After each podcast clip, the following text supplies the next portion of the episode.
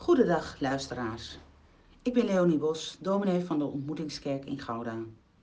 In deze onrustige tijden lees ik u elke avond de dagtekst van Terzee en een kort gebed.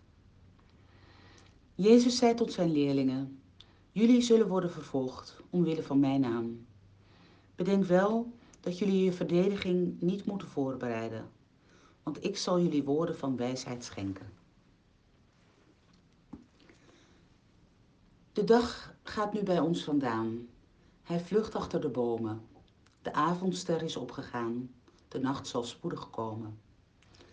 Ook als de wereld donker ziet, de Heer is in ons midden. De duisternis verbergt hem niet. Hij hoort zijn kinderen bidden. Hij houdt het kwaad van ons vandaan. Bij hem zijn we geborgen. Wij kunnen rustig slapen gaan en wachten op de morgen.